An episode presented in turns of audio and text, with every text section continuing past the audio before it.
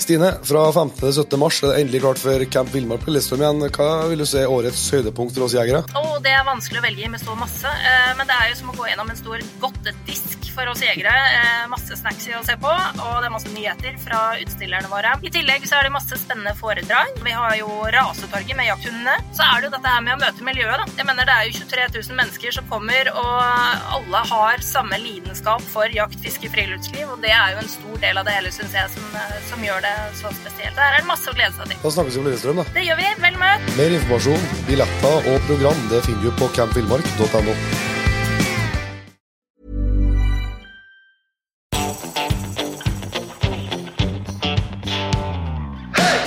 Jegerpodden, en podkast av og for jegere.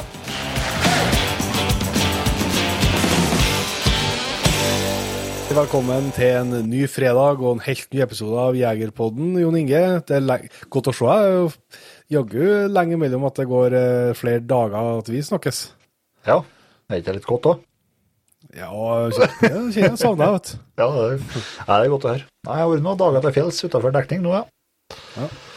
Så du holder du liker deg, ser jeg. Ja, det er bra. Jeg Takker for det. Hvis, hvis, det, var, hvis det var ment som et kompliment. Ja, det er opp, det er opp til tolkning.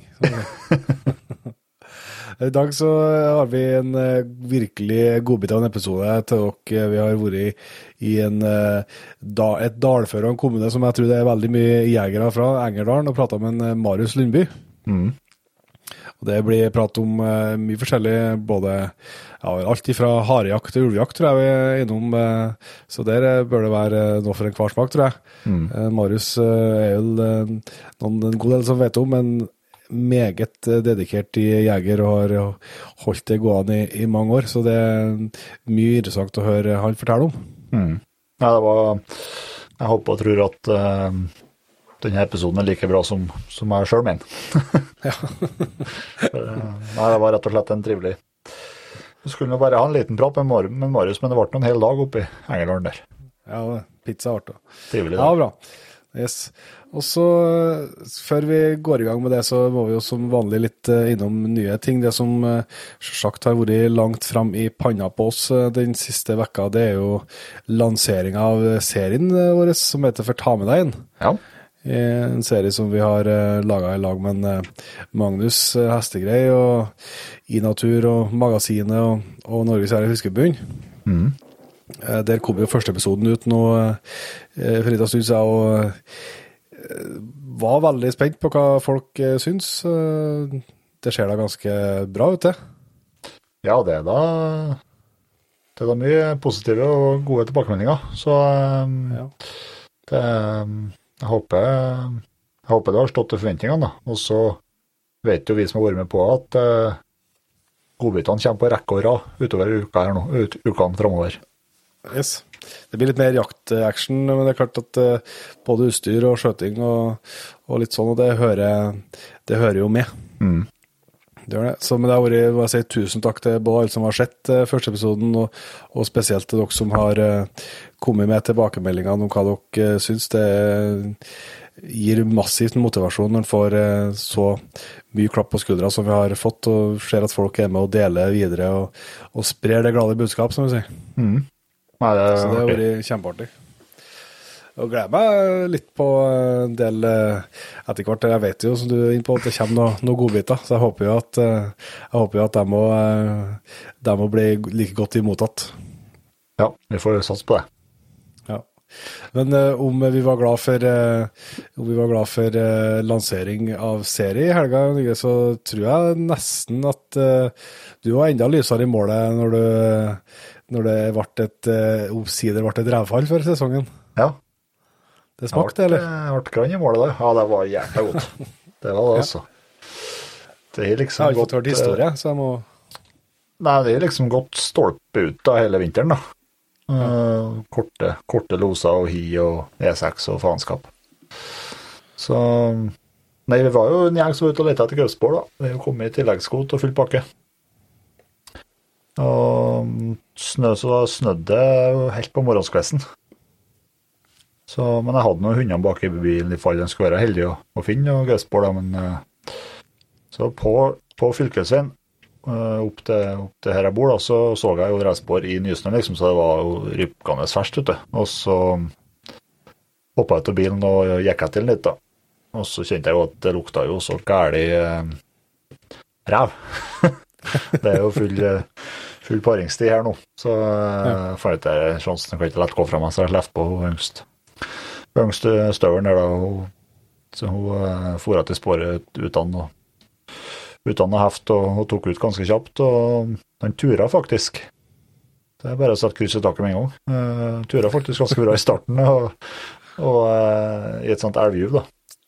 Ja. Og så var jo dere på trekkeren, så kom jo flere, flere poster til etter hvert. og Så gikk jeg inn i, inn i området tura, da, men da fikk en ferten av meg, tror jeg, for da la han på, han på lengden og mer rett ut. Mm. Imot et område som, eh, der, vi, der, vi, har noen gode poster. Og var, hadde tenkt seg ned på veien en tur, men snudd snudde og gjorde noe krumspring oppi her. Og, og vi fikk postert ut, og blant annet, blant annet Kaja, da, som ikke uh, har skutt i ræva før. Um, så setter hun på en god post der, og, og uh, plutselig så smalt det fra, vet du. Yes. Og uh, ikke hadde radio eller noen ting. Så det var Det var spennende minutter, da. Ja, det var det. det var...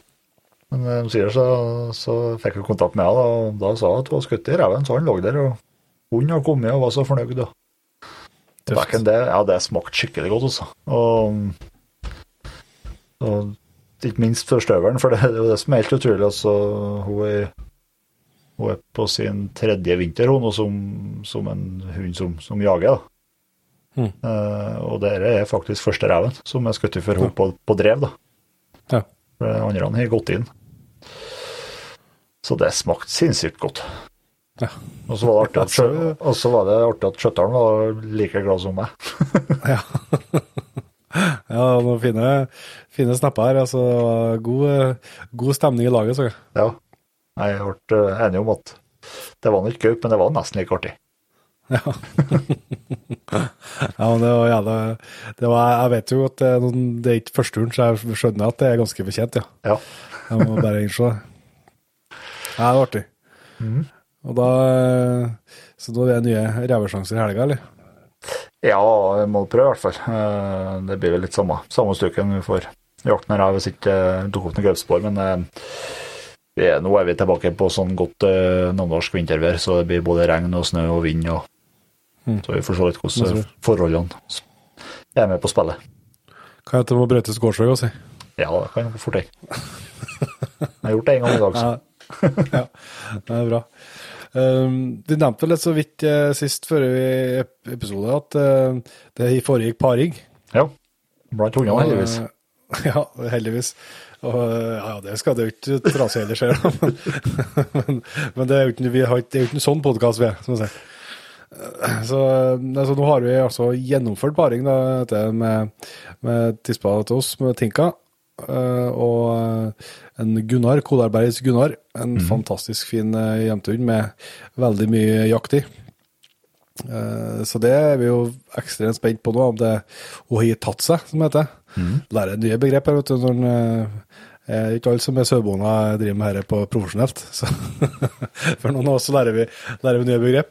Og da skal vi nå få svar på det etter hvert, men uh, vi har lagt ut uh, det på Facebook og litt sånn. Og så hvis det er noen av Jegerpoddens lyttere som er på ønsker seg en hjemtunkvalp, så er det selvsagt bare å ta kontakt. Det begynner å være litt folk på lista, men er det et stort kull, så er det fortsatt plass til flere. Så uh, det er bare å, å se ifra, det.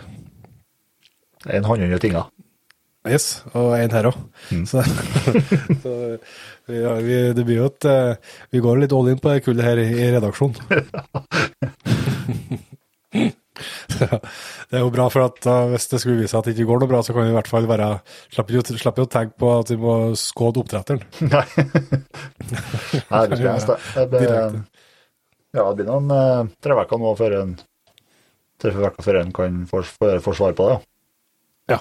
Mm. Før en får svaret på om det er direkte, ja. Mm. Så det blir spennende. Det blir men uh, da trenger ikke vi å surre noe mer. Vi må vel over til Engerdalen og til Marius, tror du ikke? Jo, vi setter i gang. Da har vi gleden av å ønske Marius Lundby hjertelig velkommen til Jegerpodden. Tusen takk for det. Og takk for at du har tatt imot oss. Vi er jo hjemme hos deg i Engerdalen. Ja, det er verdens navle, det, så være velkommen til dalen, ja. takk for det. Du, Marius, vi må starte med at for dem som ikke kjenner deg, du forteller litt om deg sjøl. Ja, jeg er eh, Engerøl, da, 46 år. Eh, gift og har en sønn. Mm. Eh, ja, ivrig jeger. Ja, Det tror jeg det må være lov til å si. Ja da. Eh, kanskje hadde spurt kjerringa, så kanskje vært over snittet ivrig, men Men er nå Så er det. Ja. Og du drev som tømrer? Ja, jeg jobber noen år som tømrer nå. Jeg er i ferd med å bytte, bytte jobb, så jeg kommer tilbake til det jeg begynte med i, i tømmerskogen, nesten. Ja. Som lin, linjerydder nå etter påske. Mm. Ja. Så det blir bra. Ja. Da blir skogen mer eller mindre på heltid framover? Da blir det heltid, ja. ja det, er, det, er, svært. Ja, det blir bra. Ja. Du har jakta, jakta vært del av, del av hele livet, skal jeg si, eller hvordan, når starta du opp som jeger? Mm, jeg begynte vel i 13-14-årsalderen. Mm. Det var ingen hjemme som, som jakte, ingen av foreldrene mine som jakte. Men jeg hadde, en, eh, hadde et eldre søskenbarn som var med mye hos en onkel. Ja. Særlig han søskenbarnet var med mye. De hadde noen fuglehunder, og han var, han var, jævlig ivrig. Drev med spøringsjakt på hara og, og rev og, og, rådyr særlig, da. Ja. Så da var jeg, mye, var jeg med mye med han. Og var hund, egentlig. Ja, da òg? Ja, da var jeg òg hund. og idrettsmann, da. Så, det, og, så da vet du, var, så da var jeg drev og jaga hare og rev og alle bergskafta borti her. Så, så, så slik det begynte. Ja. For mange år siden. Så det er vel takket være han søskenbarnet egentlig at det er interessen, interessen ble sådd, da. Ja. ja. Hvordan er det med første viltet? da? Var det, var det, på, var det som hund? Ja, det var vel skjøt vel en hare på Båsøa. Drev mye med det, da. Ja. Prøvde å spore opp harene på, på Båsøa, så skjøt han der, da. Ja. Og hvis vi ikke lykkes med det, da måtte støvelen av gårde, da. Og så, og så drev disse litt eldre gutta og posterte, da. For det hadde jo ikke jeg på. Ja. på. Så da gå bak og boffe, da. Ja. ja det, hvordan er låsmålet? Ja, nei, det er nok brukbart. For jeg fikk, de, de, de, de tok meg med da, ja, ja, gang etter gang, helg etter helg, så det, det er brukbart, da. Ja så, så, så, det var eh, Så jeg tror losmålet er brukbart. Ja, visst, ja, visst. Kanskje støtte ikke mye i foten, da, men var ærlig, så ja. men du kjøpte seg etter hvert hunder, eller? Ja, etter hørt, men den første hunden var en Hamilton-støver. Ja. Da, men da var jeg oppe i 20-åra. Ja. ja jobber litt rundt omkring i eh, anleggsslusk i Trøndelag og litt, så det passer ikke å ha hund før det da. Ja. Men da ble det, etter det, det, da er det hundejakt, ja. ja. Og med hunder som boffer. Det er livet. Mm. Hva, det, hva som er i hundegården i dag? Det er tre gråhunder på snart åtte, og en på fire og en på, som blir to i vår. Og så har jeg en finstøver på, på seks. Ja. Ja. Det vi har i dag. Da, med dem jakter du? Det blir jo i hovedsak elg med, med gråhundene, og, og eh, noe jerv og forhåpentligvis at han yngste òg kan fungere litt på bjørn. Mm. Jeg har ingen som fungerer på bjørn nå. Han eldste han jaga litt jerv. Ja. Skutt en jerver. Og den finstøvelen, han eh, Jeg bruker nok rev, men han bruker seg på alt mulig rart. Vært en notorisk rådyrjager blant annet, men, eh, men, eh, men, tanken min er rev, da. Ja. I all hovedsak. Ja. Og jobba litt i gaupe, men det er, det er revstøver i utgangspunktet, ja. Men ser ikke mørkt på å jage litt harry òg? Nei da, nei da. Han, eh, han er han, det, han, Bare han får jaga, han, så spiller det ingen rolle det er. Nei, nei. Han er jo jaktpremiert på hara, men han, nå, nå, vil eieren bruke den mest på rev, ja. ja, ja. Og så er det jo sånn, eh, Marius, at eh, vi føler jo ikke at vi kjenner folk godt nok vi før vi vet hva som eh, gjemmer seg inni våpenskapet. Nei. Nei, det er På storviltjakt så er det en Blazer R8. Ja. Eh, Den er jeg i 9-3-62 mest, men jeg har over et 6,5 ganger 55 løp. Men eh, det, det børs jeg liker veldig godt. Og som gammel harajeger da, så har jeg en sideligger ja, som, eh, som det får å smelte av. Og så har jeg en, en Krigoff-drilling. Mm. 16 kaliber og 7 ganger 57. Så det er, vel, eh, det er vel i all hovedsak det. Det er vel den derre eh, drillingen og, og den der blaseren jeg bruker mest, da. Ja. Akkurat. Så da, men du, har, du må ha den sideliggeren på, på luringen i tilfelle det blir mer harejakt, eller? Ja, og så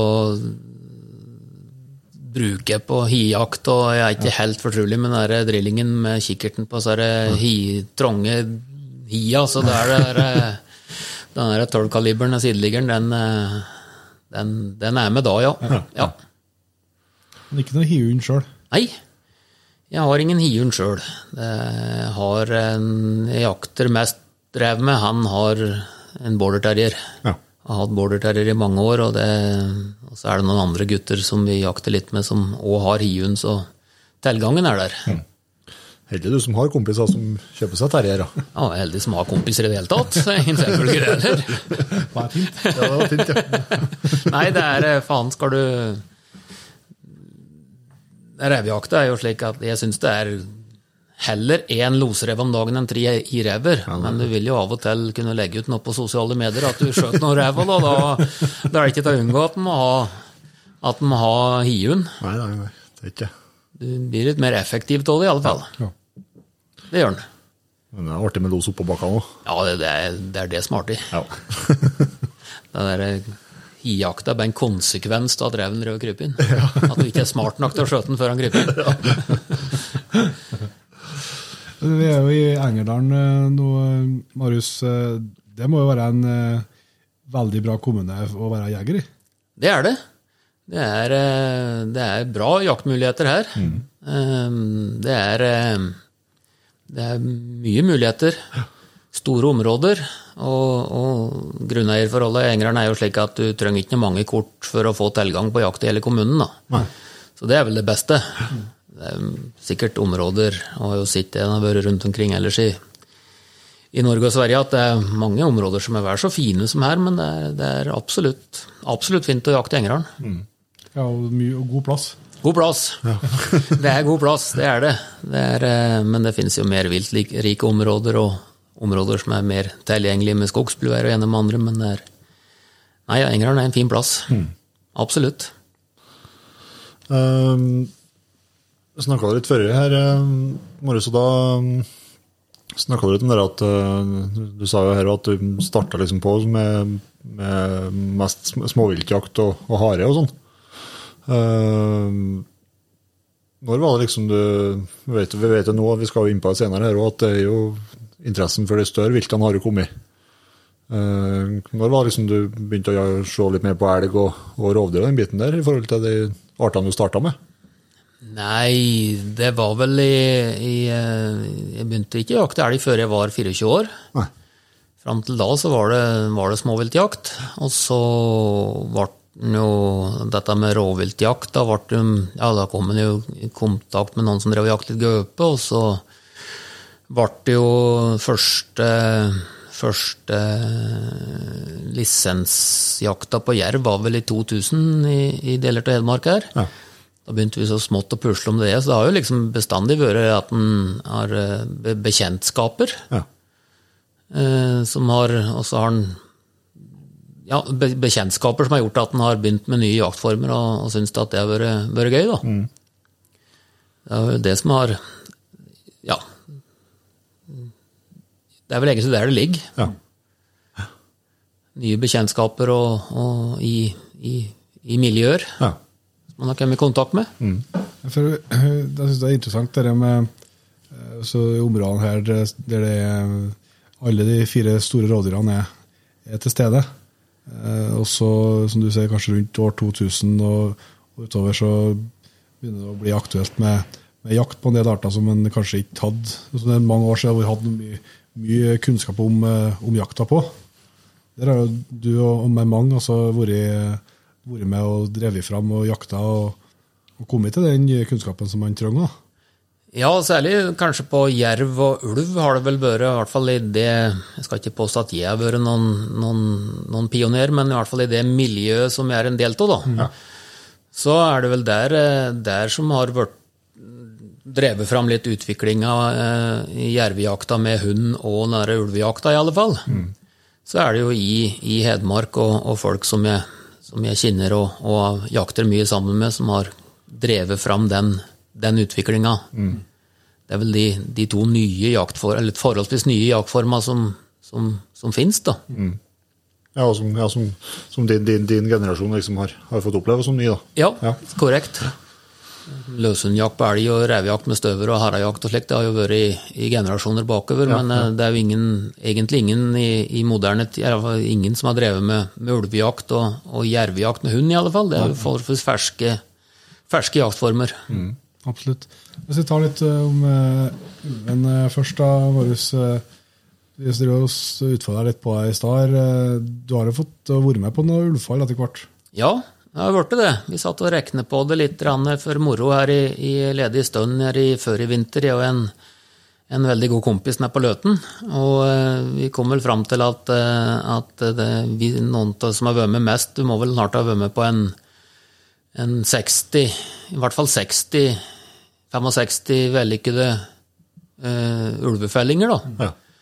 Eh, Pluss eh, en god del dager der det har gått til helsike, rett og slett. Så, så det, litt erfaring begynner vi å få. Ja, det er jo uh, Det er mye, altså. Ja, det er noe, det er noe pels. Ja, ja, men altså bare tenker på sånn, ja, relaterer til, til jakt som kanskje enda flere driver med, f.eks. belg. elg, og sånt, så 60 elgfall. Å være med på det, eh, det er ganske Du har noen dager i skogen, da. Samme om du, og det er jo en art det fins mye mer av. Skal jeg si, så Du skjønner jo litt hvor mye dere har lagt ned i tid og energi for, Ja. å, for å få til det resultatet dere har klart å få til etter hvert. Ja da, det er, det er, det er jo hardt, hardt arbeid og iver og, og glød som, som, og, som skaper det. Eh, Så i hop igjen så, så begynner det å bli en bra kunnskapsbase om den der ulvejakta. Ja. Det har vært ei voldsom utvikling fra den begynte i 07-08. De spede forsøka da fram til eh, det eh, Kynna-uttaket her nå i, i januar. Ja, ja for det, det, det, det som var, var kynna nå, det er noe av det, det er noe av det mest effektive du har vært med på, eller? Ja, det, er, det, er, det var voldsomt bra hele veien ifra de som organiserte og, og spøringsjobben og, og drivere og flagglinjegjengen og, og postjegere. Det, var, det var rett og slett moro å være en del av. For det, er, det må være kron, prakteksempler på åssen ei, ei ulvejakt i et så stort revir skal, skal gjøres. Ja. Var, eh, der er det stor kompetanse på, på alle så er det viktige biter for å lykkes med ulvejakt. Mm. Hvis vi tar det litt sånn kronologisk, da, du snakka om 07-08 da dere begynte. Hvis vi tar litt utviklingsstegene på et vis, der, er liksom som du kan eh, eh, Jeg skjønner at man får stadig mer erfaring og prøver nye ting, men hva, hva, er de største forskjellene på det dere gjorde da, kont- kontra hvordan man har gjort det videre framover? Det, den gangen så var det det var én mann på sporet. Eh, og etter hvert så har vi funnet ut at vi må ha, vi må ha atskillig flere inne i ringen. Der er det én stor skilnad, og så er det dette med her flagglinjen. Som, eh, det har egentlig kommet mer de siste to-tre åra. Ja. At du effektiviserer det. Det går fint. Vi skjøt ulv da hadde ikke brukte flagglinje, og det gjorde vi senest i vinter, det på den siste i, i Kynna. Men eh, særlig på disse storjaktene, det er med mye folk. Smett ulven ut av ringen da, så er det et helvetes organisering å få, å få, å få postert ut på nytt og slik, så da har jo dagen gått. Ja. Så det er jo at, eh, at dette flaggreien fungerer så bra som det gjør, det er eh, Jeg tror det er det også at det er mye folk til å drive. Og eh, det var kanskje litt mer skepsis blant grunneiere, og lettere å få grunneiertillatelser. Eh, Sørge for at veier er brøyte, osv. Så, videre. så Det er mange element som er par som fader på plass etter hvert. ja. ja. Det er det. Ja, så snakka du om det litt tidligere her også, den eh, at folk Mange av de jegerne som er med, vet hvilken rolle de har i, i hele systemet. da, Fra, kan si, fra lisensjakt til åpne og helt til at, til at, man, til at fellinga er, er ferdig på et vis. Ja, det er, det er slik at eh, uansett en, så er det en og annen skarp hjerne som er en organisator, og så er det noen som vet at de skal være drivere, og noen er postjegere, så det, liksom, det går ikke bort noe tid på slik eh, fjas. Det har blitt ganske effektivt, og racer i veien så vet du at det er en gjeng som skal gå etter faren, og så er det noen som skal har ansvaret for å sette ut posta, noen som skal sitte der og, og være stille og, og skjøte den ulven. Så, så det, er, en ganske klar rollefordeling borte. Og det er, tror jeg er en fordel, for det foregår jo på på en tid til året, og det er støtte dager, så det gjelder å være effektiv. Ja, Du tror det, det, det er en del av suksessfaktoren, det òg. uten tvil. Uten tvil. At det er, det er blitt en, eh, like en eh, Kall det en, en, en, en kjerne som er med nesten uansett. Da. Og der er det både noen organisatorer og noen kall det jaktledertyper. Og noen sporere og drivere, og så er det en eh, jævla dyktig gjeng med disse flagglinjene. Ja. De er, jo, de er jo ordentlig nerder, et par av disse som driver der. Det har vært slik at eh, Jeg er ganske sikker på at barneskolen i Rendalen der har det blitt innført like, De syr like flagglinjer i tekstilforminga, og så spikker de like pinner og henger flagga på i, i tresløyden. Så det er en, en, særlig en Rendøl som er veldig i bresjen for dette, og de, de er, det er en helvetes effektiv gjeng, altså. Ja, det er artig, ja. Kan ikke du ta litt mer om, eh, om årets eh, jakt, da, hvis du tar første, første jaktene eh, for dem som ikke har, har kjenner til det så godt? Nei, det var jo da Det er jo noen kompiser som holdt til nede i, nede i Våler-trakten, som, som var i, litt i bresjen for, for det da uttaket i, i, i Kynna. Så da var det jo dit, da. Heve seg så vidt noe nyttårsmiddag ved fem draget, og så var det å sæla på og bytte ut finresten med jakle, og så dure på, da. Så var det å prøve å, ha litt koll på disse ulva der gjennom, gjennom eh, natta. Så hadde vi ganske fort eh, sju stykker inn i en ring. Ja. Eh, og da var dette flaggmannskapet de var på platten, dem. Ifølge han ene så var det litt snøtt, det var bare 13 km rundt, sa han. Så Men det var krevende terreng, da, og disse ulva der, de, de var ikke noe redd for folk, de hadde jævla vondt for at de skulle stikke ut. Ja. Eh, Den første dagen da skjøt vi tre. ene ble skutt inn i ringen og en kvalp. Eh, Forholdsvis fort. Ja. Men eh, resten, dem, eh, dem nå rundt oss inni der. Han runde ei gran, så var ulven var på tur. Det var jo like evig runddans inni noe plantefelt der. De var ikke noe, de var ikke noe redde. Nei. Men det ble til slutt så begge alfadyra Den ene var nå i akkurat i siste lyset. Ja. Dumpet borti en post. Så, så det var Det var Ja, hadde kanskje sett for oss at det var, skulle bli skutt flere den dagen, men det var jo, det var jo en helvetes innsats, da. Ja, så tenker jeg, hvis det har, hvis det er 13 km rundt, da, og så er det sju inni her som du begynner å jage på Det holder på er nok og drivere som setter rugspor og skispor, og det holder på noe med spor inni her òg. Ja, da fikk en i hvert fall bevis på at det trenger mye folk på ferden. Ja. For å prøve å få litt trøkk på dem, i hvert fall. Så, så det var en, ble jo sitt noen ulv og her og der, men det ble liksom lite grann stong ut eh, i starten utenom den første, men så så eh, fikk vi snevre inn den, den ringen litt, så vi halverte den til dagen etterpå. Ja. Da, og da, men da viste det seg at det var nok bare alt tre av dem skjøt vi. Men da var det jo så mye, da hadde det ikke kommet noe mer snø og, og slik, så da, da bare plukke ned igjen. Så skjøt vi vel én da, dag tre, og så var det et par dager opphold. Og så, så det ble vel da elleve ulver på seks jaktdager, da. Ja. Fra den første til den 9. januar. Det er bra, det. Ja da, det er bra. Men, eh, men eh, vet du, jeg følte jo jaktåret der ganske tett, tett etter jul. Det var jo en eh, Det var jo mye mer ulv enn hva, enn hva som først antatt òg. ja, var det ikke åt, egentlig kvote på åtte? Ja. og så ble det ganske fort utvidet til eh, ti. Ja. Og så den dagen vi skjøt den tiende, da ble det sitt en ulv eh, godt inni For de hadde jo da de hadde, Det var jo ikke i jaktområdet, det var jo ikke i hele Kynnareviret. De hadde jo avgrenset ganske mye innafor revirgrensen der vi fikk lov til å jakte. Ja. Da ble det sitt en ulv av en tilfeldig bilist eh, i de vevner vi skjøt den tiende. Ja. Ikke, var godt innafor jaktområdet. Og da åpner statsforvalteren da for, for eh, den ølhøfte, da. Ja. Og da skjøt vi vel den eh, da, dagen etter, eller Ja, dagen etter eller et par dager etterpå. Ja.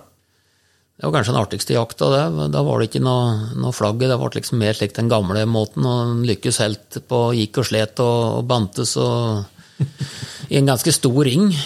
Eh, Og, og skjøt den da ikke så lenge før det ble mørkt, så det var, eh, det var, det var kanskje den artigste ulven i den. Ja. Vi måtte slite mest for, kanskje. Ja. Ja. Men så setter myndigheten seg da på bakføtten.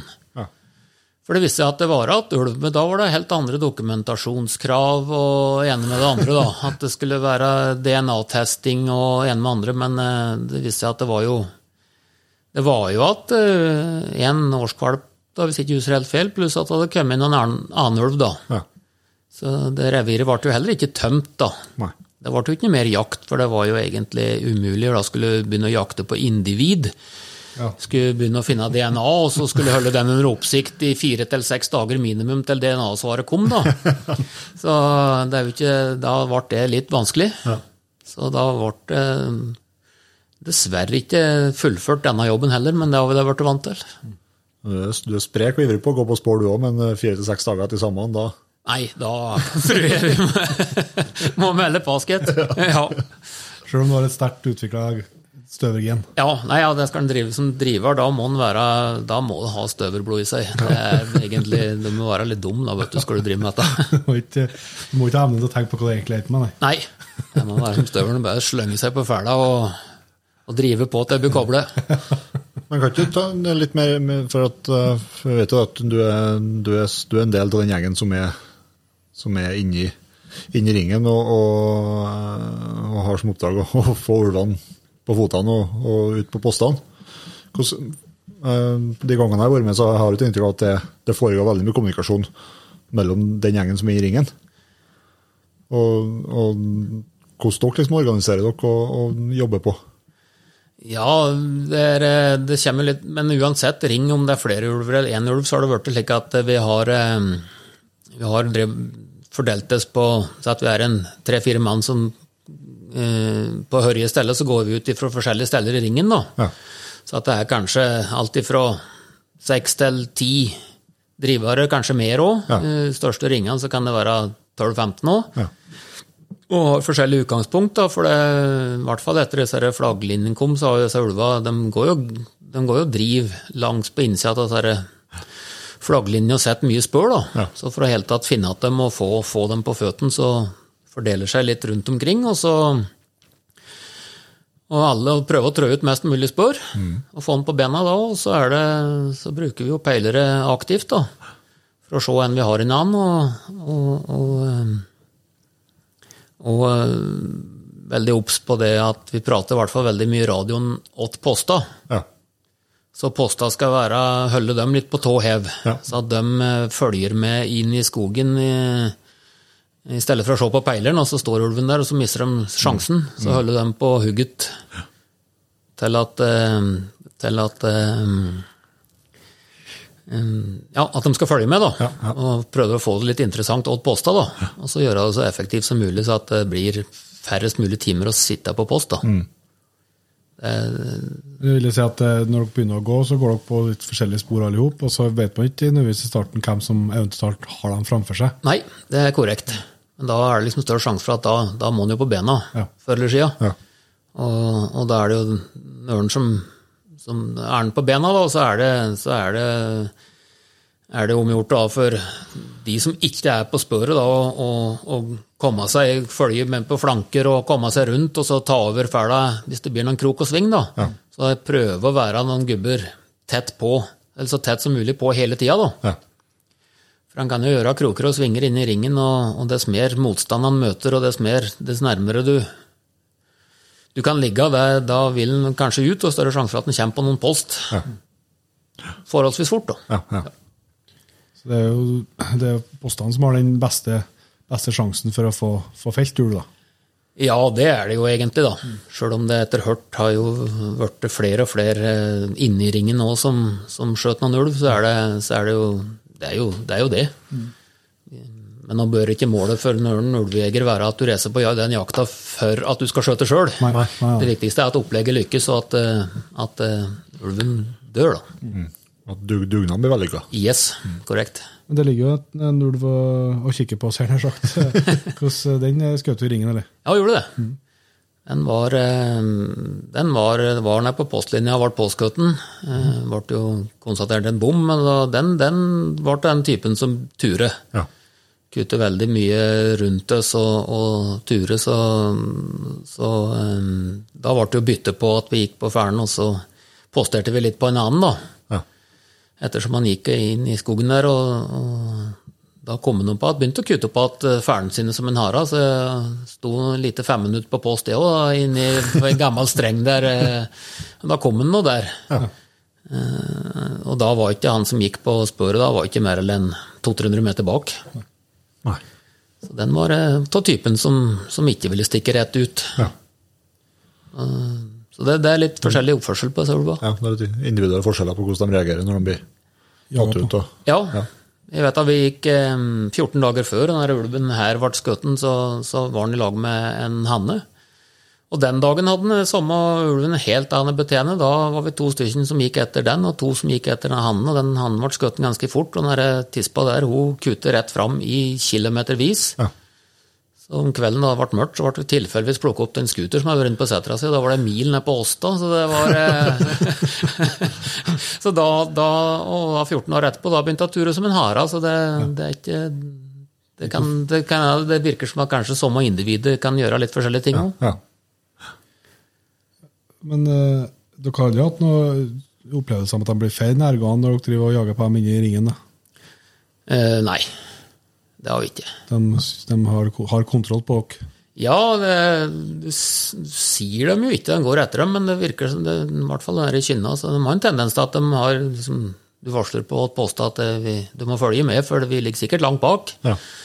Vi begynte jo med det første dagen i Kynna òg, og så oppdaget vi at eh, faen, vi lå jo ikke så langt bak. Vi De hadde de jo ferdig der vi akkurat hadde gått, så eh, de måtte legge om. Men, men eh, de holdt vel såpass avstand, så vi får ikke Skjøt dem ikke i, på, i drevet, nei. Slik sett. Det blir jo å stå og postere litt på en annen, dem som blir skutt inn i ringen, da. Ja, ja.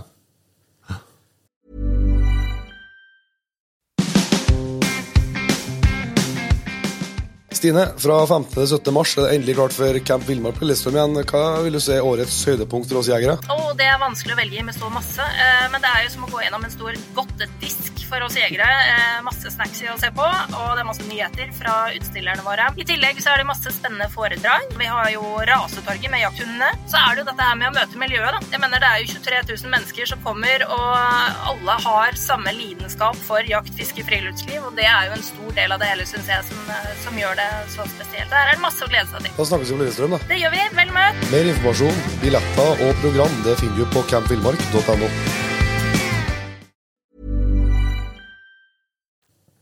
Ja, det eh, vi har jo snakka om før i, i podkasten, at det er jo det er jo utrolig imponerende, eh, den jakta som, eh, som ble utført i, i vinter. Altså. Men det, det er jo artig å høre og liksom å tenke litt på det, altså den utviklinga som har vært. Jeg synes det altså, det, Alle de stegene man har, man har tatt og på egentlig forholdsvis kort tid. da. Altså, det er klart at Jeg skjønner jo at du har vært ute og jakta ulv mange dager, men, men det er jo ikke snakk om så mange år.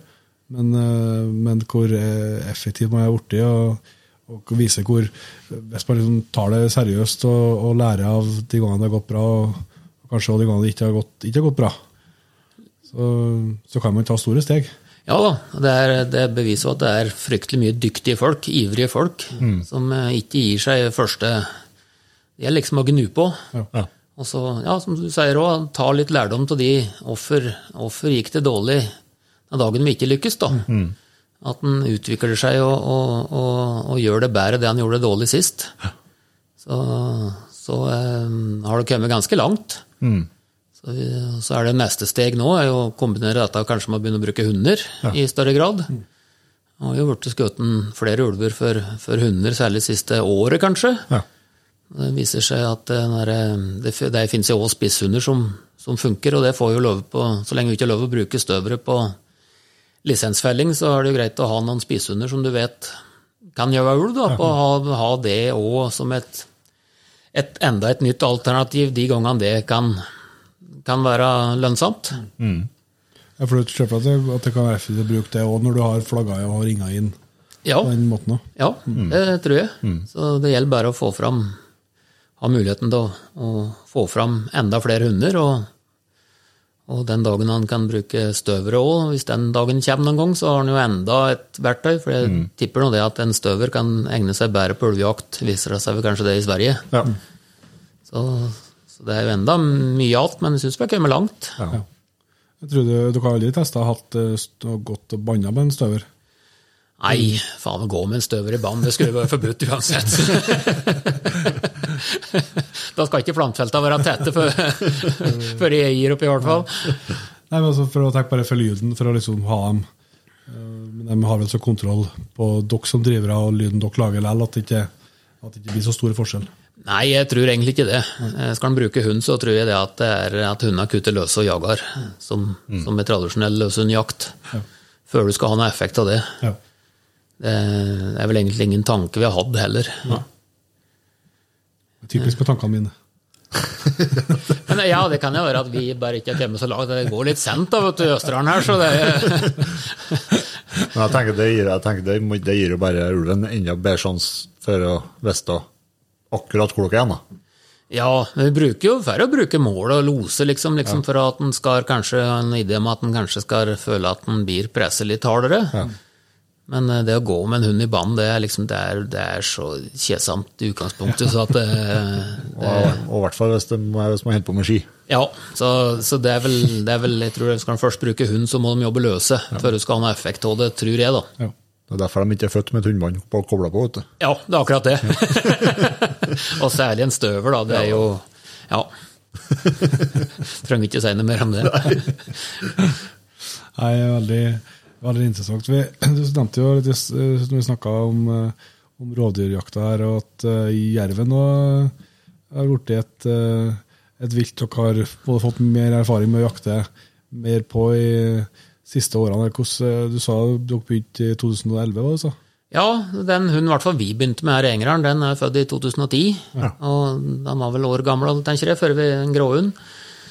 Og begynte å, å, å bruke det litt, og, og det som all annen jakt i starten, noen ganger lykkes det, og mange ganger lykkes det ikke. Ehm, og så er det jo flere som har tatt dette enda i, i dette miljøet i Hedmark her, som har tatt, og i Trøndelag, og tatt dette enda videre, så det begynner å bli mye bra mye bra hund på jerv. Eh, absolutt, og det er jo en jækla art, spennende jaktform. da. Artig jaktvilt, og det at du kan gå inn på en los da du vet at det står en jerv der, det, det er ikke det samme å se på jervåte lenger, nei. Nei.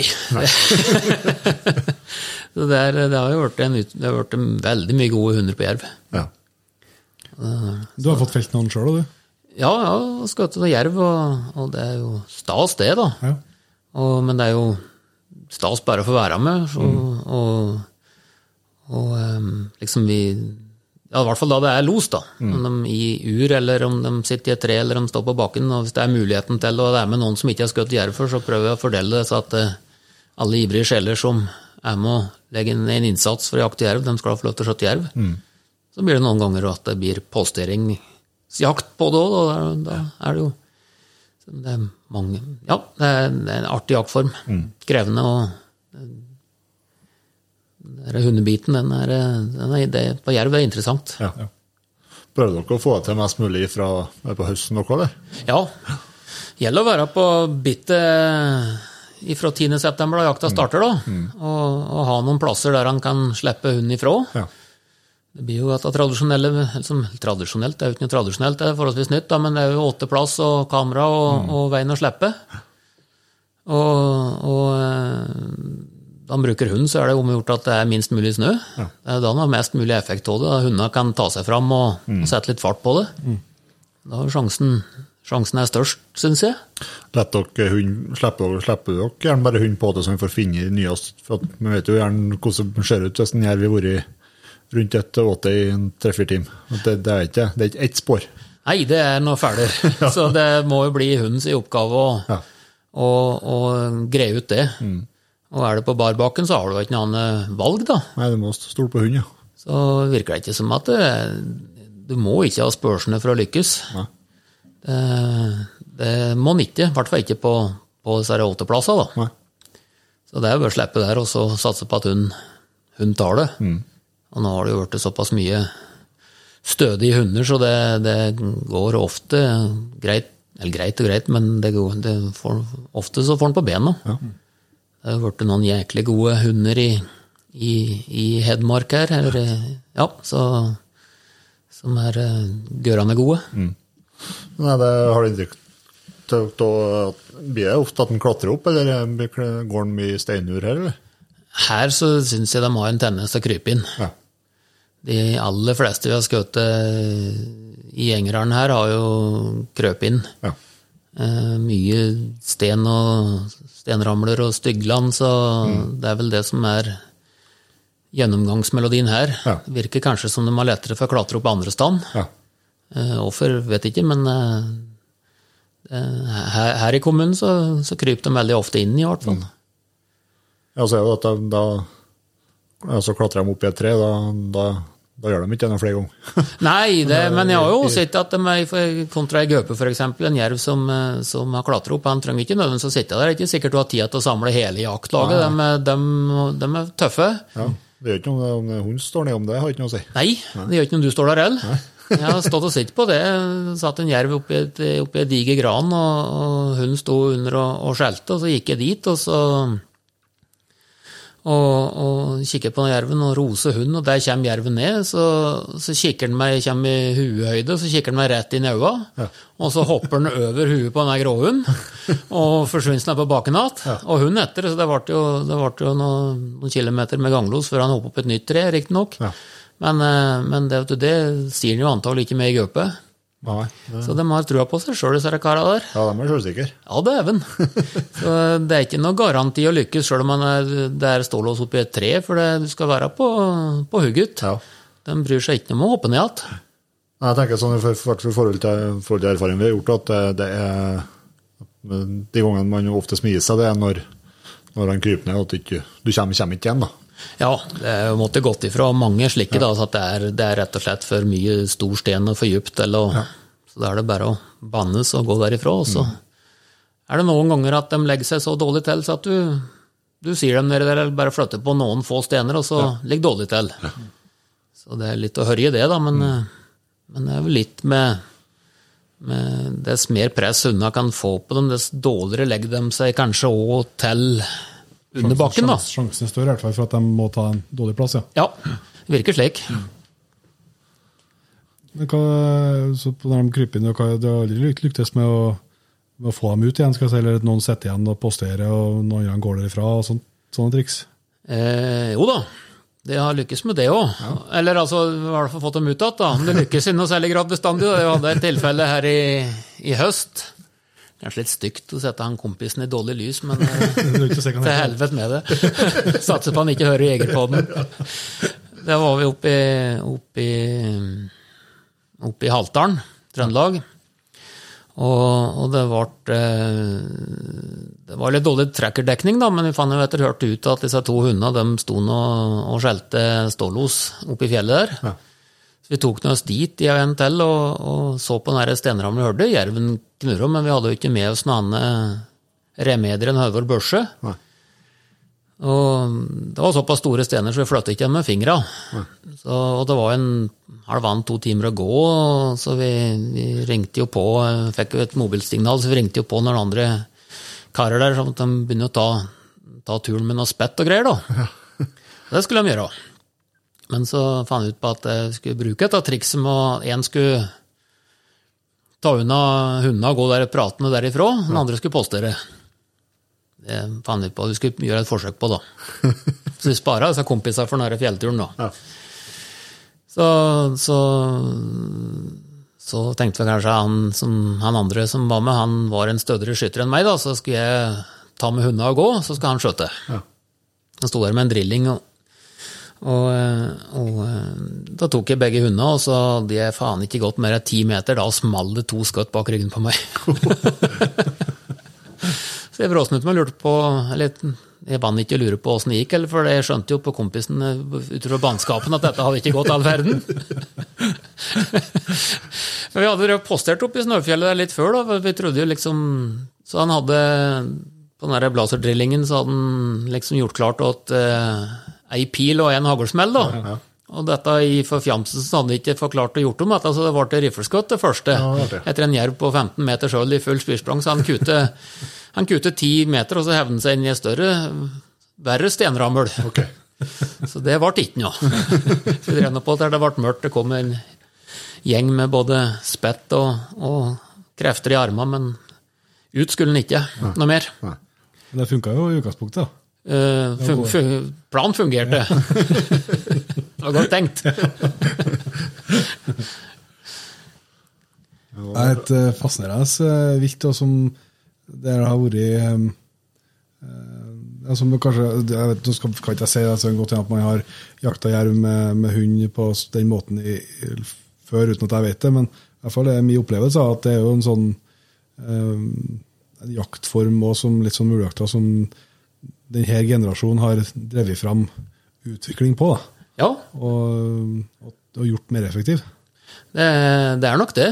Det er jo vært Ja, at det er Jeg kan ikke si at jeg hørte om det mange som drev med jervejakt på, på hund for 10-12 år siden.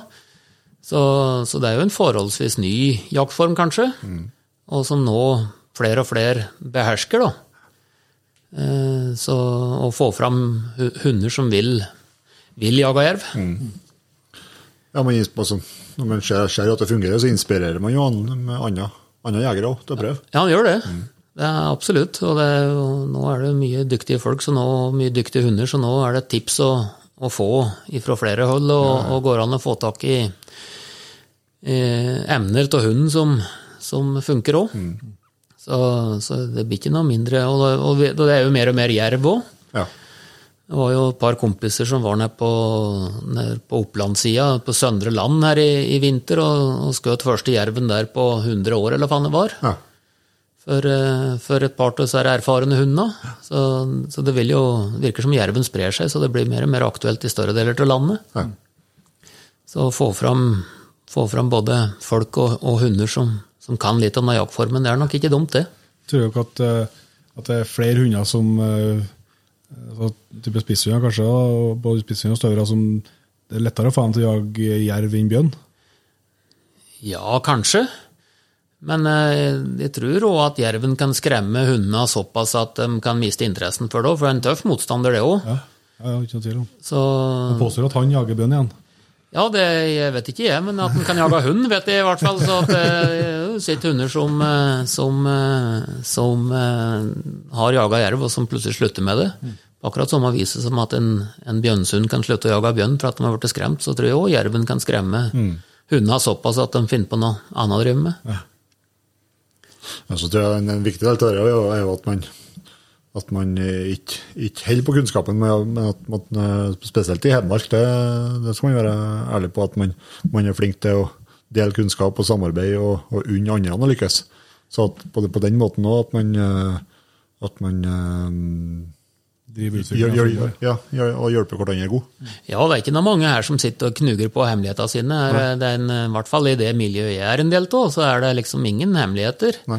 Der er det der er mye dyktige folk som deler med kunnskapen sin, og, og, og vi, vi bytter på å bruke hunder, og det er liksom ingen Det er ingen som, som eh, er så sjølgode og, og jekkelige at de, det er liksom under en annen å lykkes, og, og eh, det tror jeg er er litt av kriteriet for å lykkes med slik jakt, og at eh, du, du kan noe samarbeide, og du kan noe For en periode så kan det være du som har en, en jæklig bra hund, og så blir jo den for gammel, men hvis du da ikke har sluppet til andre og, og, og let andre få sjansen både til å, å prøve sine egne hunder og være med, så, så sitter du med svarteper sjøl.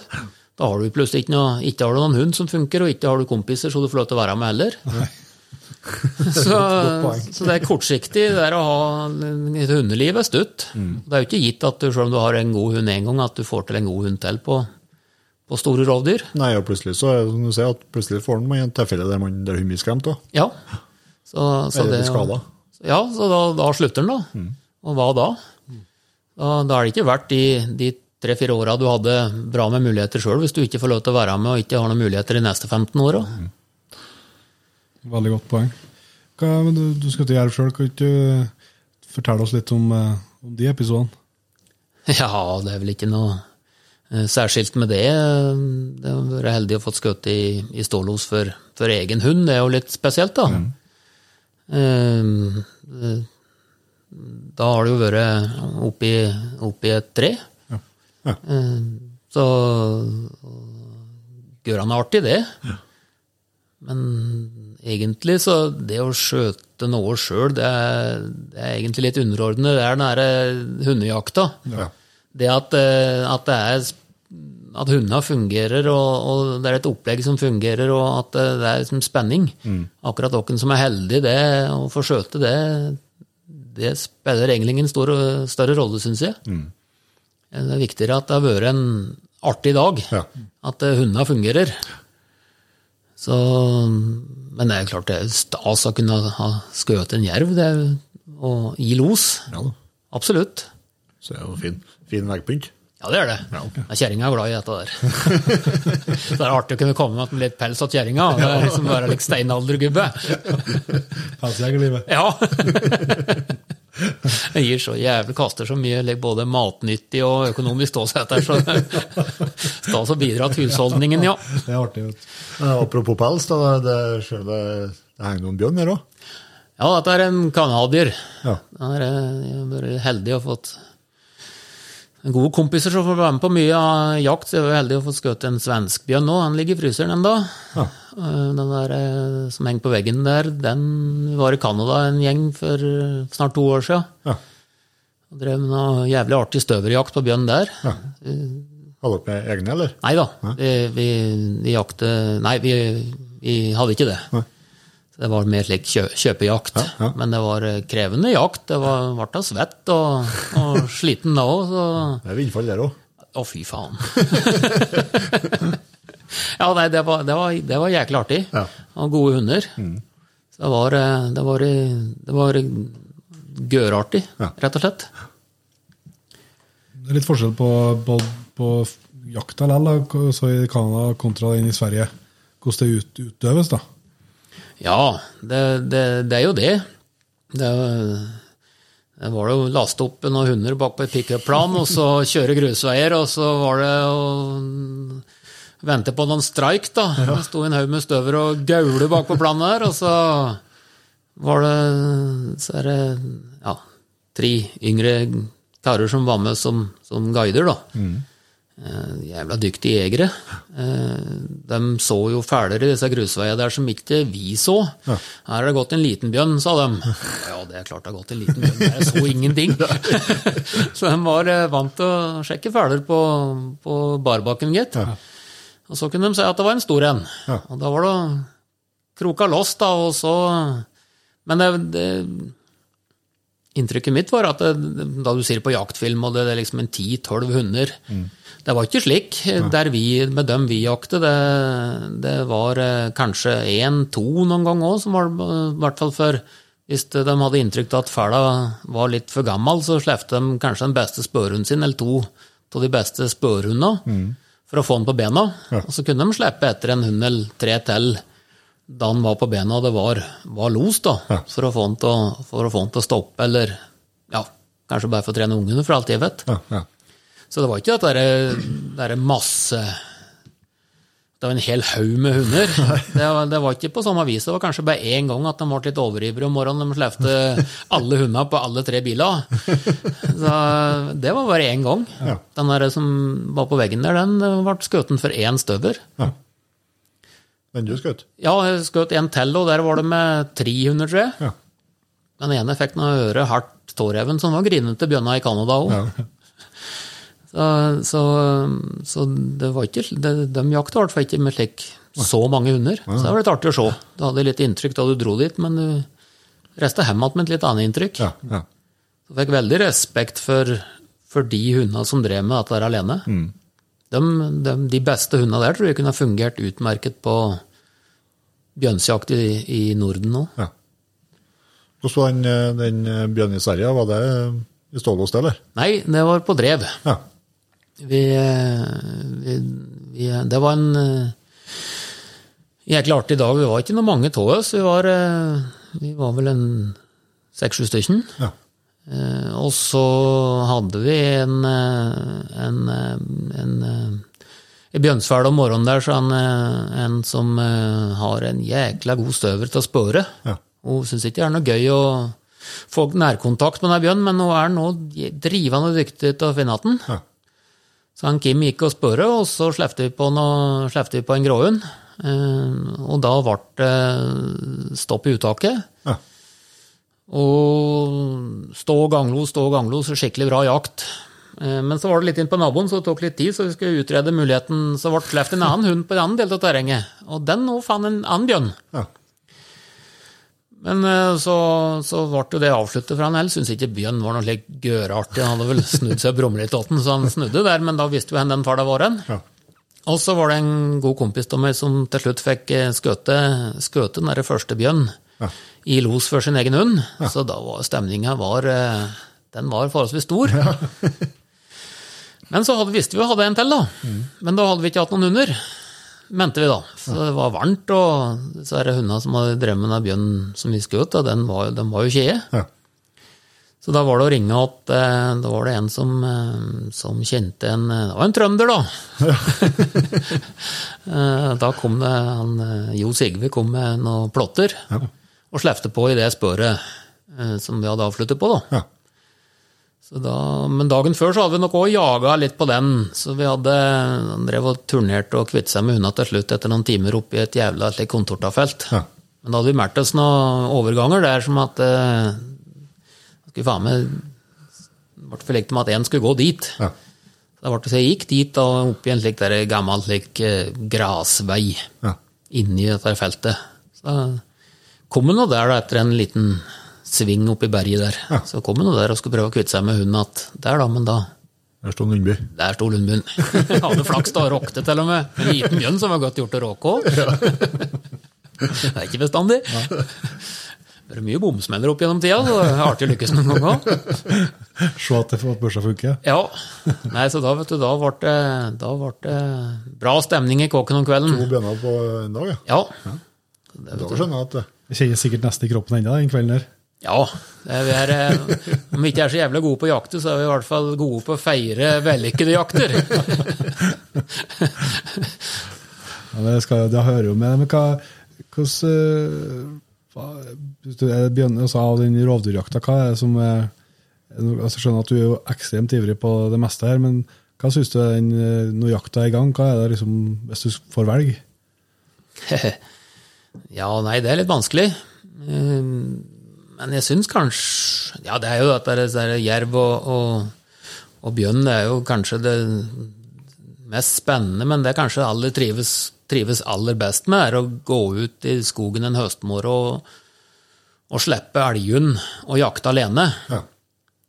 Løshundjakt på elg med alene eller bare med en kompis som slipper på en annen del av terrenget. Eh, og, og, og vente på et uttak, og så blir det los en kilometer eller to unna, og så Det, det tror jeg kanskje den jaktformen jeg hadde kommet til å dreve med hvis en skulle ha drevet med bare fikk lov til å jakte én ting. Ja. Så tror jeg faktisk det er løsenjakt på elg, for det er jo mer muligheter tross alt enn både på bjørn og jerv, og mindre stress og mindre mas. Ja.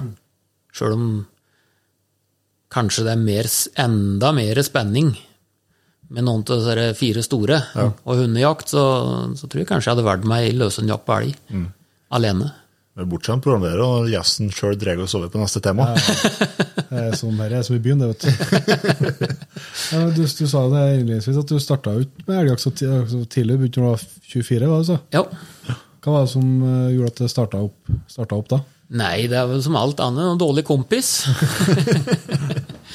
Nei, det var, det var jo via noen kompis, da. Ja. Eh, som, eh, som lurte på om jeg ikke skulle hjem og jakte elg. Og jo, det, det hørtes jo spennende ut, det, da. Jeg hadde jo sett på elgjegere som litt trauste, kjedelige gubber men, eh, fram til da. Men, eh, men så begynte jeg å jakte elg, og siden har jeg gjort det, da. Men da jakter vi jo med bannhund da, den tida. Og, og jeg hadde jo ingen hund, så jeg var stort sett her på post. Men, så, men, men som på mye annet så har jeg vært heldig og blitt kjent med mye trivelige, eller jakte med mye trivelige folk, så jeg fikk ikke lov til å gå med bannhund åt seg, han ene. Ja. Så gikk jo, visste ikke hva hun drev med, men, gikk, men hun visste han drev med, så var det bare å henge i stroppen, det, da. Noen ganger så klarte han å lure seg inn på noen elg, og andre ganger så Men stort sett så var det jo å gå og skremme en elgen, og så håpe at noen post kunne på noen post, da. Ja. Så, vi, så det var jo bannhundjakt, og, og hadde vært bannhundjakt vært eneste alternativ i dag, så hadde jeg ikke jakta elg heller. Men da sa han samme kompisen, han eh, kjøpte seg en løshund av innovativ type, så han eh, var jo som innførte løshundjakta nesten i Engerdalen, da. Ja, for det er ikke tradisjon, tradisjon for det. Nei, her er det banehundjakt. Ja. Uh, uh, ja. Banehundjakt på gamle sorten. Det skal voktes grensa, og Hørje jaktlaget har hørt i elgstamme. Om gjort å passe på grensene sine. Så nei, så ble det da Den bikkja var vel født i 2006. Og begynte å fungere da et år eller to etterpå. Ja. Og eh, da, det var jo faen moro, da, vet du. Los og visste at der sto det en diger elg. Så klare å komme seg dit, og så få sitt slags elg det var, og kanskje få en skuttsjanse. Da fikk elgjakta en helt annen dimensjon. Og, og, og siden så, så har eh, det det er løshundjakt på elg, det har vært det er, det er gøy, altså. Ja. Nå ble det så du handla deg elgen sjøl, da? Da, da gikk det noen år, da. Så da, da måtte jeg spe ut hundskallen litt. Da hadde stått en haug med dunker og Hamilton-støvere i hundskallen fra før, da. Og så måtte jeg ha en gråhund, og da var det etter den tispa. Ja. Og så etter en, eh, en der, legendariske Strixen, Ja. ja. da som er faren av den gamleste jeg har. Ja. Eh, Og det ble en, ble en bra hund. Ja. Så mm, det ble en bra, bra hund. Så det mye lostimer om høsten og Ja. en artig hund å jakte med. Så, så da ble det jo, da han fikk egen hund som fungerte, så ble det jo enda spentere. Ja, ja, ja. Så da har det ballet på seg litt der òg, da. ja. Etter hvert. Det sto tre stykker ute her nå, så jeg. Ja, det er eh, litt kvalitetsforskjell. Det er jo to som er bra, og så er det en som ikke er fullt så bra. Ja. Den uh, Treimann han uh, syns elg er gørende artig, bare han kutter unna, så det må være støverblod i han òg, tror jeg. han syns ikke det er noe gøy, elgen står rolig. Han kan stå der og titte på elgen i timevis, men han sier ingenting. Nei. Men bare elgen kutter unna, så, så henger han på hele dagen. Ja. Så det er litt Ja. Men slik er det. Han har noen bra hunder og noen dårlige hunder. Så vil han hele tida ha mer og, eller bedre og bedre og bedre. Mm. Så har han jo blitt blitt veldig ja, nerdete på dette med hunden. da. Han vil jo ha ja, Sier at det er en detalje svakhet på en han har, så vil han ha en som er litt bedre. og vil jo helt til ha noe som er bedre. Jeg har jo sett på noen prøveresultat fra jaktprøver i høst at, eh, at det var noen hund som eh, tegner bra. Ja da, har, eh, den er bra, den. Ja.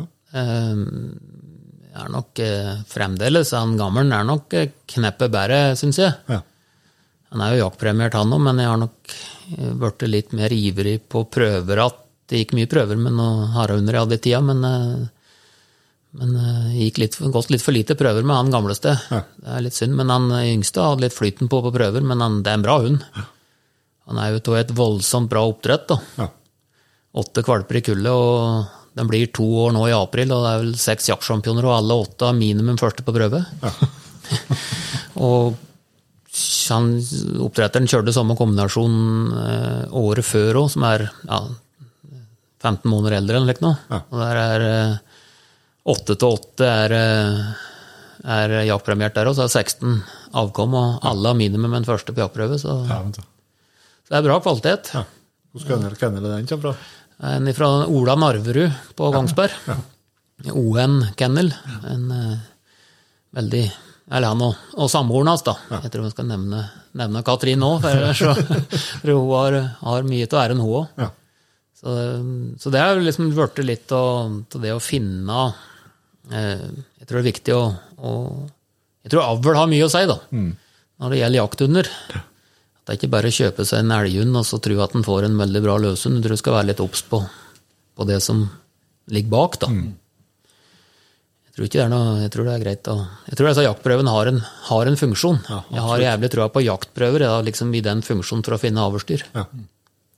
Men du drev og avla litt når du, hadde, når du var ivrig, ivrig harrejeger, eller? Ja da, jeg hadde ei tispe som jeg hadde kull på, men så hadde jeg en hannhund eh, som hadde veldig mange kull etter seg. Han, hadde vel, han var over 70 avkom, tror jeg. En dunker han hun. så jeg drev mye med, med slike ting da jeg drev med harabikkjer i tida. Ja. Eh, da òg var det jo alt ifra en ganske bra hunder til dem som var helt håpløse, da. Så han har jo sett litt av begge sider. Hva som gjorde at du gikk for finstøver nå, kontra du sa at du har hatt både Hamilton og, og Dunker tidligere? Nei, Det er et godt spørsmål. Jeg tror, det, jeg tror jeg sa en gang da jeg var yngre og uvitende at jeg skulle i hvert fall aldri ha vindstøver. Eh, Men så har jeg nå det, og det Nei, det, det var vel det at Jeg jeg tror kanskje det var for at eh, han jeg har kjøpt den av, er en veldig god kompis av meg som har fryktelig gode støvere. Og det er en del kvaliteter i de hundene som jeg liker veldig godt. da. Eh, Så, så jeg, Hva, tenker du på? Nei, det er bra jaktlyst. De står på. Eh, Gående sterke hunder. Kan bruke dem flere dager på rad. Liksom det, Jeg syns det er en del hunder som er kanskje er litt for litt for uh, tassete. Har de jaga en halv dag, så er det liksom ikke noe, får ikke veien at dem. Jeg syns at uh, hunder skal liksom kunne skal, hvis, du, hvis du ellers har lagt grunnlaget med den fysiske treninga, så, så skal de ha jaktlyst nok til å jakte hele dagen. Det syns jeg. Uh, Når de først har en jaktdag, så, så skal, de, skal de stå på. Ja.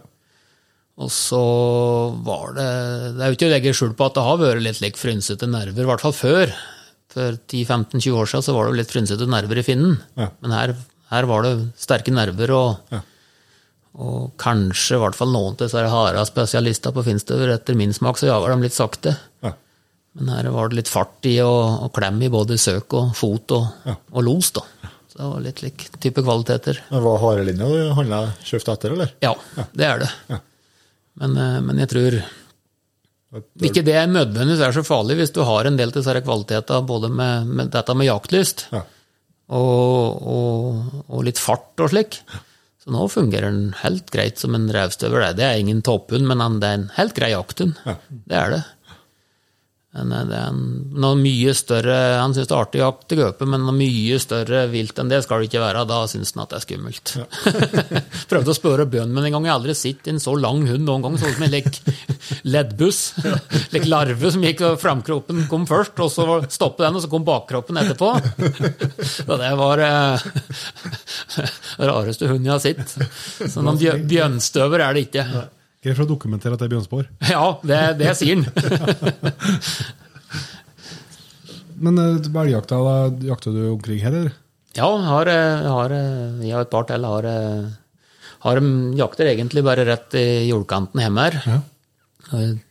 Privatterreng der, og så leier vi et på Statsallmenninga i Engerdal, et annet lag, da. Så det er da noen muligheter. Men, eh, men, men vi vil ha mer, så det er, jeg er helt på utkikk etter mer elgjakt. Har det vært har du vært heldig å få skutt noen store okser i loser unna, eller?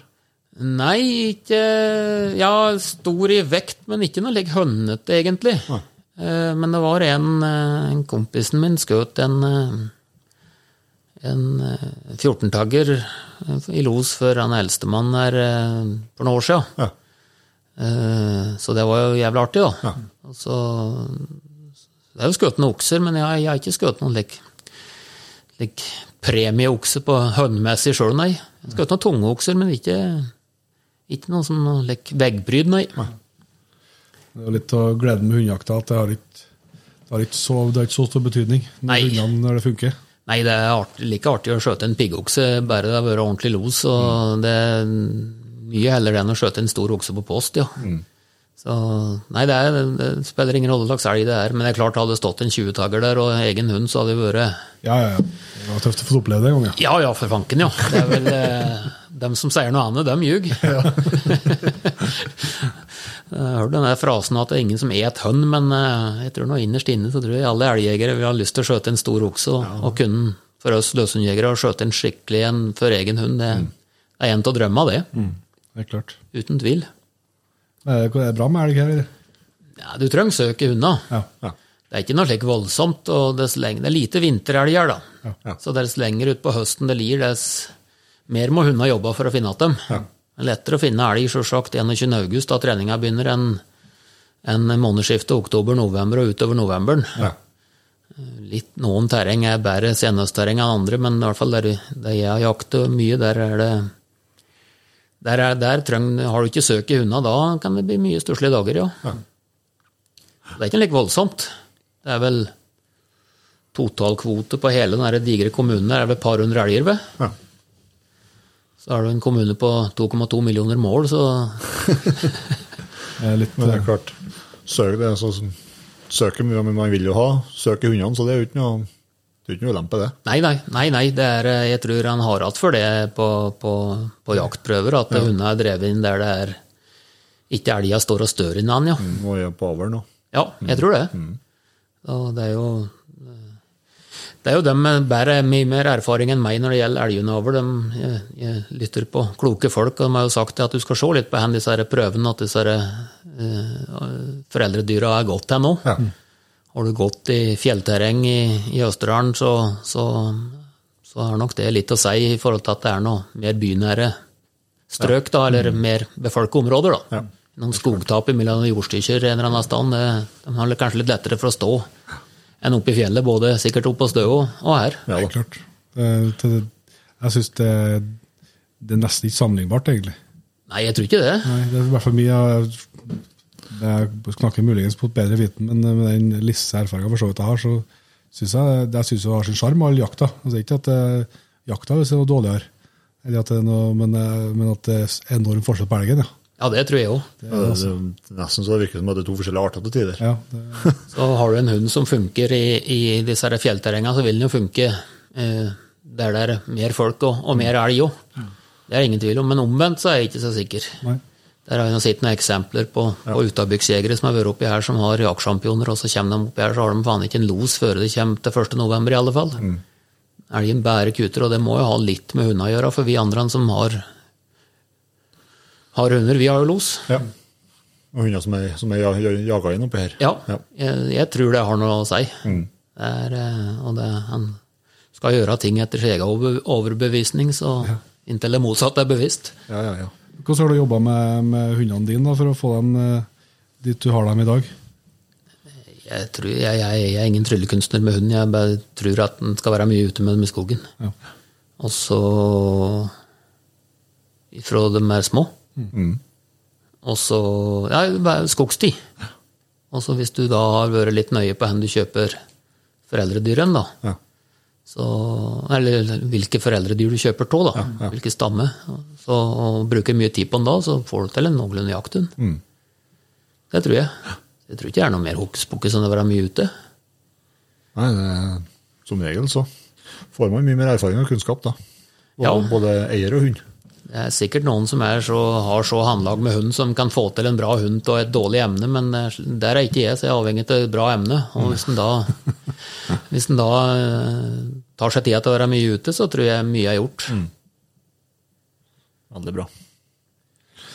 Jeg syns jo vi har fått vært innom, eh, innom mye. Jeg tror ikke noen eh, har noen tvil om at du eh, er en kar som nettopp er mye ute og har, eh, og har mye glede av, eh, av jakta. Marius, vi har jo litt sånn eh, faste spørsmål og sånt som vi runder av episodene våre med, og det kommer jo ikke du utenom heller.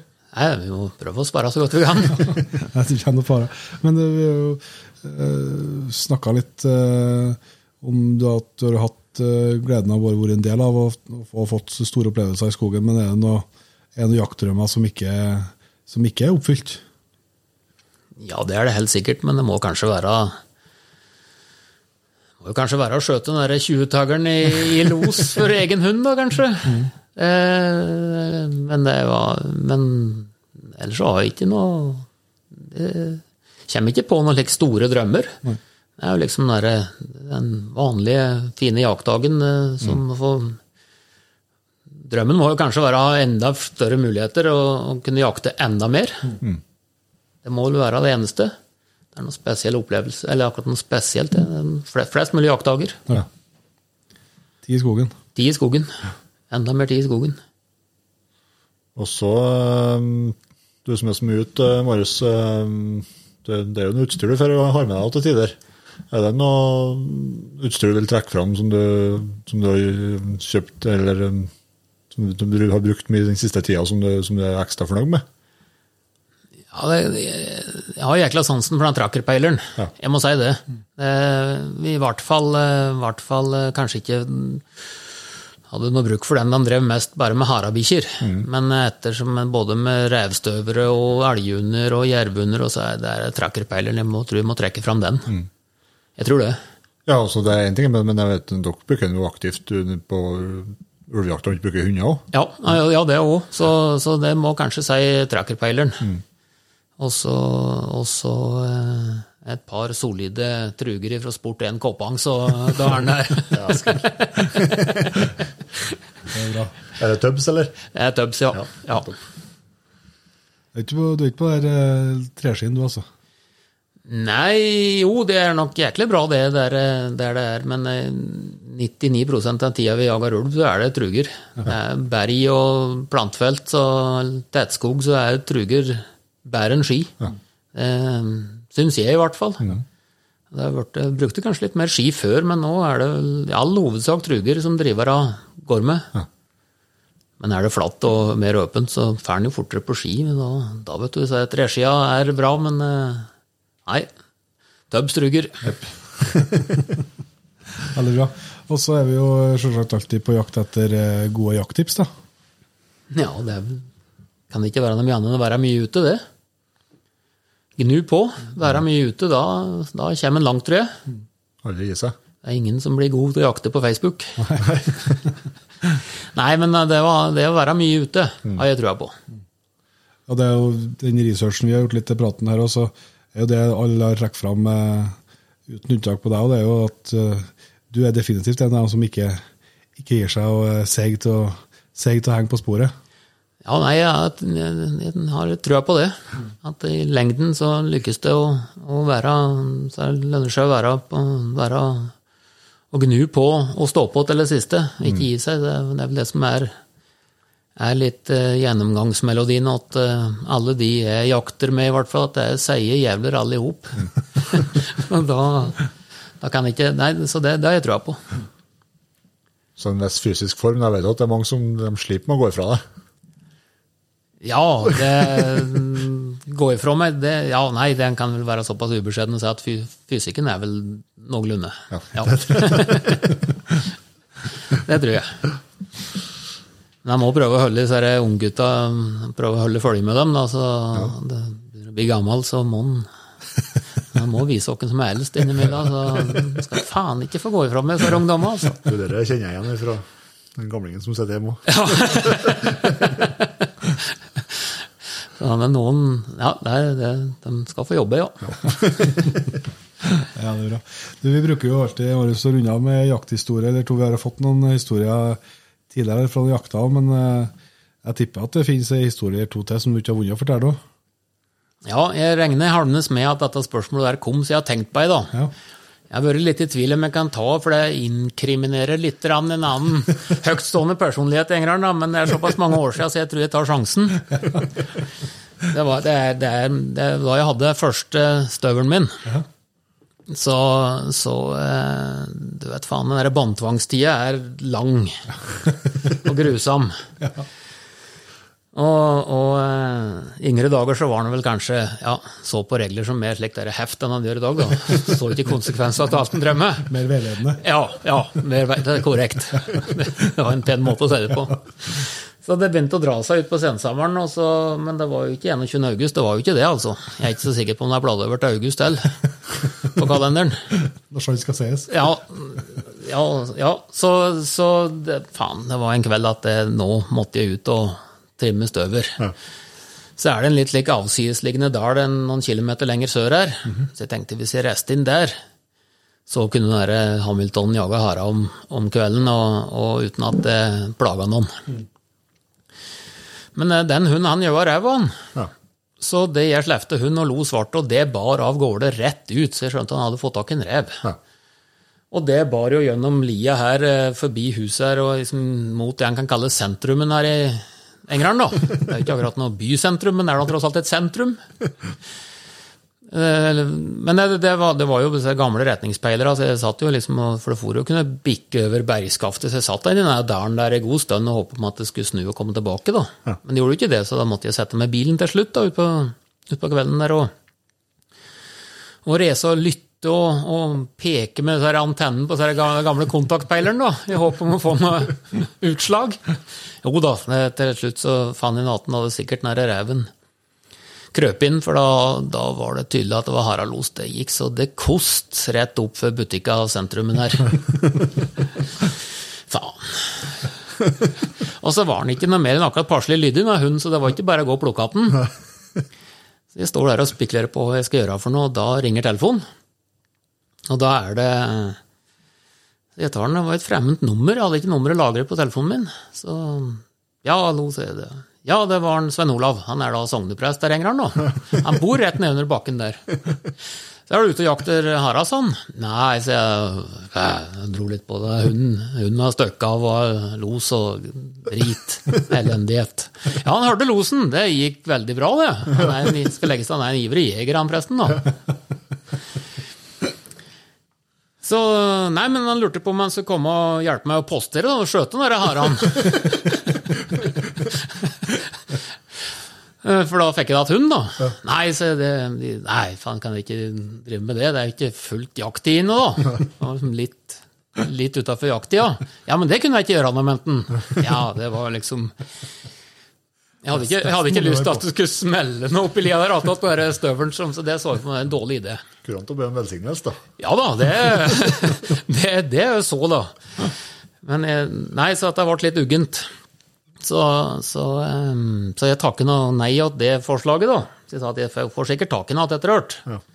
Ja da, men var det noe, så hvis jeg ombestemte meg, da, så jeg ikke bare ringe. Han var nå oppe, han, så, så han kunne komme og postere. Ja da, jeg takker for det. Og så, men så før jeg la på, så lurte jeg på kanskje at eh, du er kanskje snill, og så, og så ikke sier noe om dette her, du, da. For det er liksom litt, det er jo ikke helt rett til tida. Nei, nei, nei, han skulle ikke si noe. Jeg har taushetsplikt, jeg er prest, jeg, vet du, sa han. Så det skulle gå bra, ja. Så, ja, det gjorde det. Det ble ikke ikke noe med det, så han holdt vel det han lovde. Det var du som brøt plikten til slutt. Ja, nei, nei da, jeg, det, jeg fikk noe kobla til slutt, tror jeg, så, så, så nei da, så han skulle ikke si noe. Han hadde taushetsplikt, han. Kraft og stillingen sin, så det, det var bra. Ja, Nei, men eh, jeg skjønner jo at det har gått godt til deg i skogen når du, har, eh, når du nesten har, kontakt rett opp. Ja, det er vel kanskje eh, Jeg skal ikke skryte på meg å ha vært mye i kjerka opp igjennom, men det er vel kanskje en av de få ganger jeg kanskje har følt litt behov for, for en solid prestestand, ja. Veldig bra. Nei, men da skal vi si tusen takk, Marius, for at vi fikk lov til å komme på besøk hos deg og slå en prat. Det har vært veldig veldig trivelig. Og så eh, håper jeg at eh, og er ganske sikker på at dem som har vært med helt hit, og tenker det samme. Ja, nei, tusen takk for at jeg fikk, fikk være med. Det var trivelig å ha deg på besøk òg. Takk for praten. Likeså.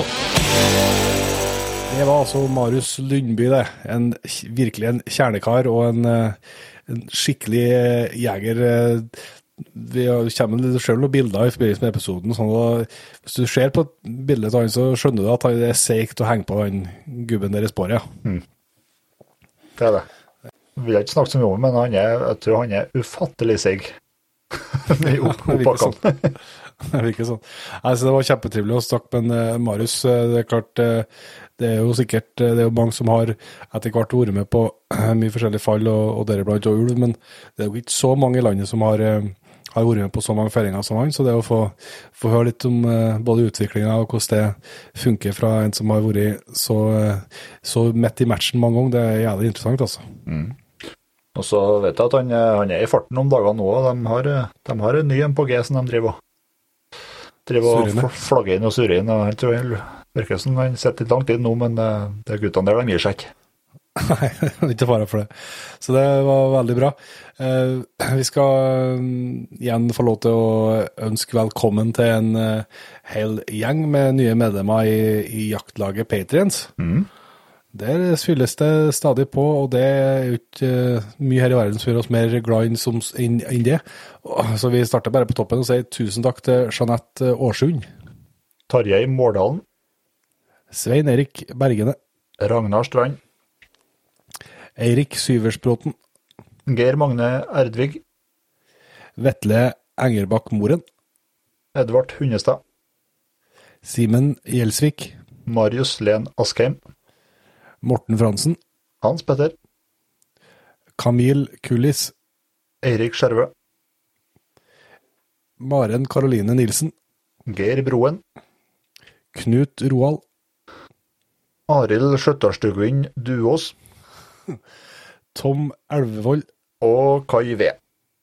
Tusen hjertelig takk til dere, og selvsagt til alle andre som utgjør en del av Peterslaget, og som har vært med oss eh, lenge. Det er dere som gjør det mulig. og vi snakka jo innledningsvis her, før praten med Marius, om eh, serien vår eh, Ta med deg en, som har hatt premiere i sist uke. Der kommer episode to ut eh, nå, og den eh, som før uka, så legger vi ut episoden et, et døgn tidligere til Patriens, som en liten, eh, liten eh, takk. Og eh, der er det jo den straks på tur ut eh, nå. og Har du lyst eh, til å bli med i P3-jaktlaget, om du ikke er det i dag, så er du selvsagt hjertelig velkommen. Det ligger lenke både til det, og vi skal legge ut lenke til serien nå, tenker jeg, i beskrivelsen av episoden, så at det er lett å få med seg. Ja. Nei, men da tror jeg vi kaller det for en dag, Petter, og runder av. Gjør det. Vi ses vi bruker til neste gang. Vi høres.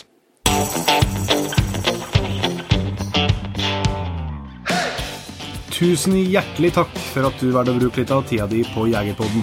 Sjekk ut jegerpodden.no eller eh, din favoritt-podkastspiller for enda mer innhold og flere episoder.